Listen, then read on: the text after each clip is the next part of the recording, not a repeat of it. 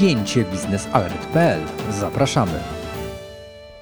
Biznesalert.pl, Bartłomiej Sawicki, witam Państwa w kolejnym wydaniu naszego programu Spięcie biznesalert.pl. Tym razem porozmawiamy o temacie, który był mocno komentowany w ubiegłym tygodniu, w, zwłaszcza w polskich mediach, a więc o rzekomym renesansie węgla e, w Wielkiej Brytanii i Niemczech. E, w ubiegły weekend pojawiła się informacja, że niemiecki koncern energetyczny Uniper planuje oddanie do użytku i włączenie do sieci elektroenergetycznej niemieckiej dużej elektrowni węglowej Datteln 4 o mocy ponad 1 GW. Mm, I to jakoby miałoby świadczyć o tym, że Niemcy zachowują się dwulicowo wobec e, strategii energetycznej w Europie, bo sami mówią o odejściu od węgla, ale sami tego i nie robią, czego przykładem miała być elektrownia Datteln 4. Czy tak rzeczywiście jest? Najlepiej zobaczyć to na, na, na liczbach. Drugi przykład, jakoby w Europie nastał renesans węgla, to Wielka Brytania. Pojawiła się informacja, że rząd Wielkiej Brytanii nie będzie blokował budowy nowej kopalni węgla Wielkiej Brytanii. Pierwszej od ponad 30 lat. W tej samej Wielkiej Brytanii, która z wielkim trudem w latach 80. zamykała nierentowne kopalnie, teraz jakoby miałaby y, powstać nowa kopalnia węgla. Nie dodaje się jednak jakiego węgla, a dlaczego to istotne, o tym także dalej w programie. Zacznijmy więc od, od Niemiec. Faktycznie e, niemiecki koncern Uniper rozpoczął budowę m, elektrowni e, węglowej Datteln 4 w 2007 roku. Miała ona wejść e, do systemu elektroenergetycznego naszych zachodnich sąsiadów 4 lata później. Tak się nie stało ze względu na problemy techniczne. W tym czasie, kiedy m, właściciel próbował m, radzić sobie z problemami technicznymi. Mm, e, trwała w Niemczech wielka dyskusja na temat miejsca węgla w przyszłej strategii energetycznej i odchodzeniu od węgla, patrząc na politykę klimatyczną Unii Europejskiej. E, I faktycznie Niemcy podjęły decyzję o wyjściu z węgla zarówno brunatnego, jak i kamiennego do 2038 roku, co oddanie do użytku tej elektrowni stałoby niejako w sprzeczności i podważałoby wiarygodność Niemiec pod względem kierunków zmian w stronę zielonej energetyki i wyłączaniu już y, emisyjnych bloków węglowych. Problem polega jednak na tym, że prawdopodobnie, wszystko na to wskazuje, przynajmniej tak informują niemieckie media, może być to blef ze strony Unipera, który chciałby uzyskać od rządu Niemiec większe rekompensaty i środki na utrzymanie węgla i tej elektrowni w tak zwanej zimnej rezerwie, więc na wypadek, kiedy zabrakłoby e, w Niemczech e, e, mocy z mocy z elektrowni konwencjonalnych, której tak tych, tych, których stabilizuje energetykę odnawialną wówczas, kiedy nie świeci słońce e, lub e, nie wieje wiatr, a jak doskonale wiemy, wciąż brakuje nam odpowiedniej dużo mocy w tak zwanych magazynach e, energii. Więc to jest z jednej strony możliwe, blef ze strony Unipera, że odda ona do użytku w przyszłym roku, latem, E, tą elektrownię, tylko po to, żeby uzyskać jak, najwie, jak najwięcej tylko może rekompensat z pozostawienia tej elektrowni, a tak zwaną e, rezerwę zimną. E, I oczywiście pojawiła się fala przykładów, dyskusji, że właśnie elektrownia Datteln jest przykładem hipokryzji Niemiec, że z jednej strony nawołuje ona Unię Europejską do jak najszybszego odejścia od mm, węgla i postawienia na odnawialne źródła energii, a sama y, wciąż chce utrzymać i oddawać do użytku nowe elektrownie węglowe.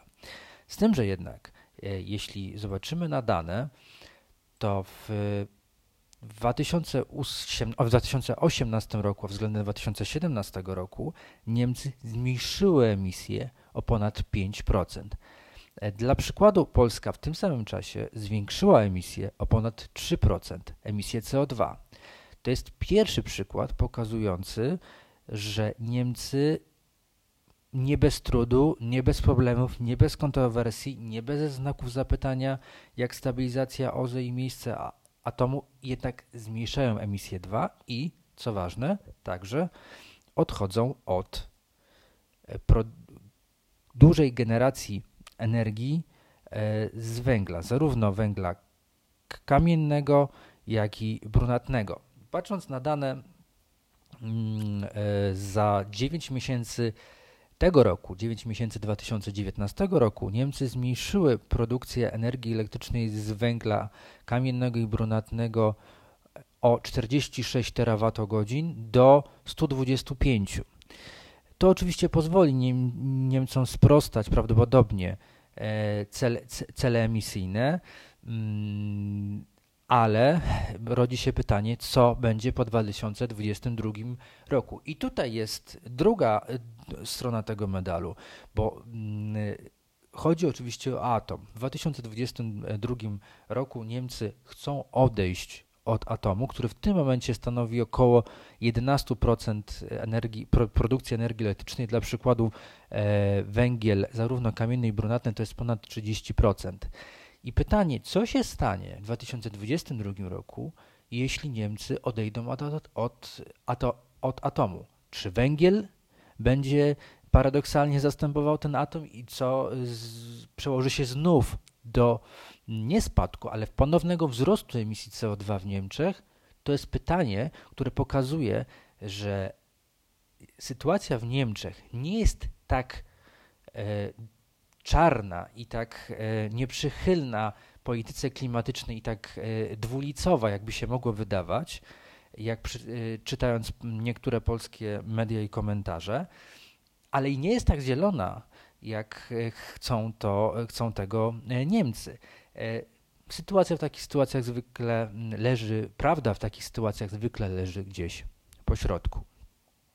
Drugi przykład, również ciekawy i również stanowiący niejako dowód na ten temat, że Polska jest stawiana tutaj na, jako przykład w Europie jako kraju, który najbardziej emituje, najwięcej produkuje węgla, nie chce odchodzić do węgla, a inne kraje przecież robią to samo. I tu chodzi oczywiście o przykład Wielkiej Brytanii, e, gdzie pojawiła się informacja, że e, pojawi się nowa kopalnia węgla e, w hrabstwie Cambria w północno-zachodniej Anglii, pierwsza od ponad 30 lat kopalnia głębinowa.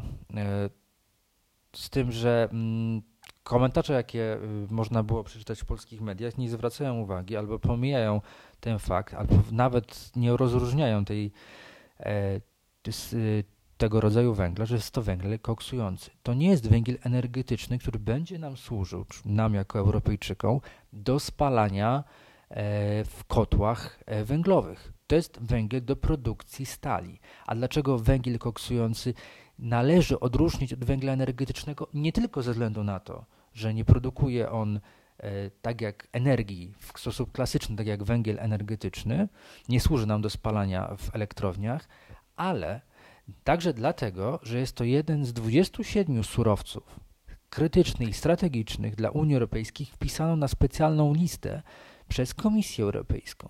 Dlatego też nie można mówić, że Wielka Brytania ponownie stawia na węgiel, jeśli mówimy o węglu koksującym dla produkcji stali, dla przemysłu.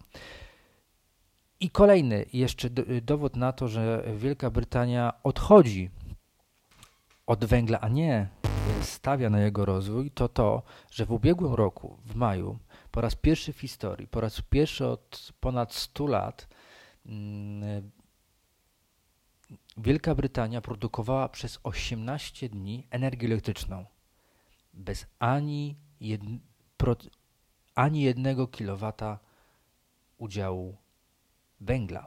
To jest o tyle ważne, że pokazuje nam, że oczywiście węgiel, yy, można mówić, że Wielka Brytania stawia na węgiel, ale po pierwsze chodzi o koksujący, a więc nieenergetyczny i dane pokazują, że jednak Wielka Brytania jest dalece po, yy, bardziej niż my posunięta, a nawet i także Niemcy, o czym warto także pamiętać, w drodze do dekarbonizacji. O, Wielka Brytania objęła inny model aniżeli Niemcy, bo Wielka Brytania cały czas chce mieć w podstawie atom.